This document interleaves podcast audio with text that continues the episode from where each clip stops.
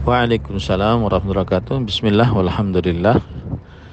Eh, seorang yang akikah kemudian dia membagikan makanan kepada kaum muslimin dari hasil akikahnya atau hasil akikah anaknya maka pada saat itu boleh dia memberitahukan agar kaum muslimin mendoakan anak tersebut menjadi anak yang berkah saleh.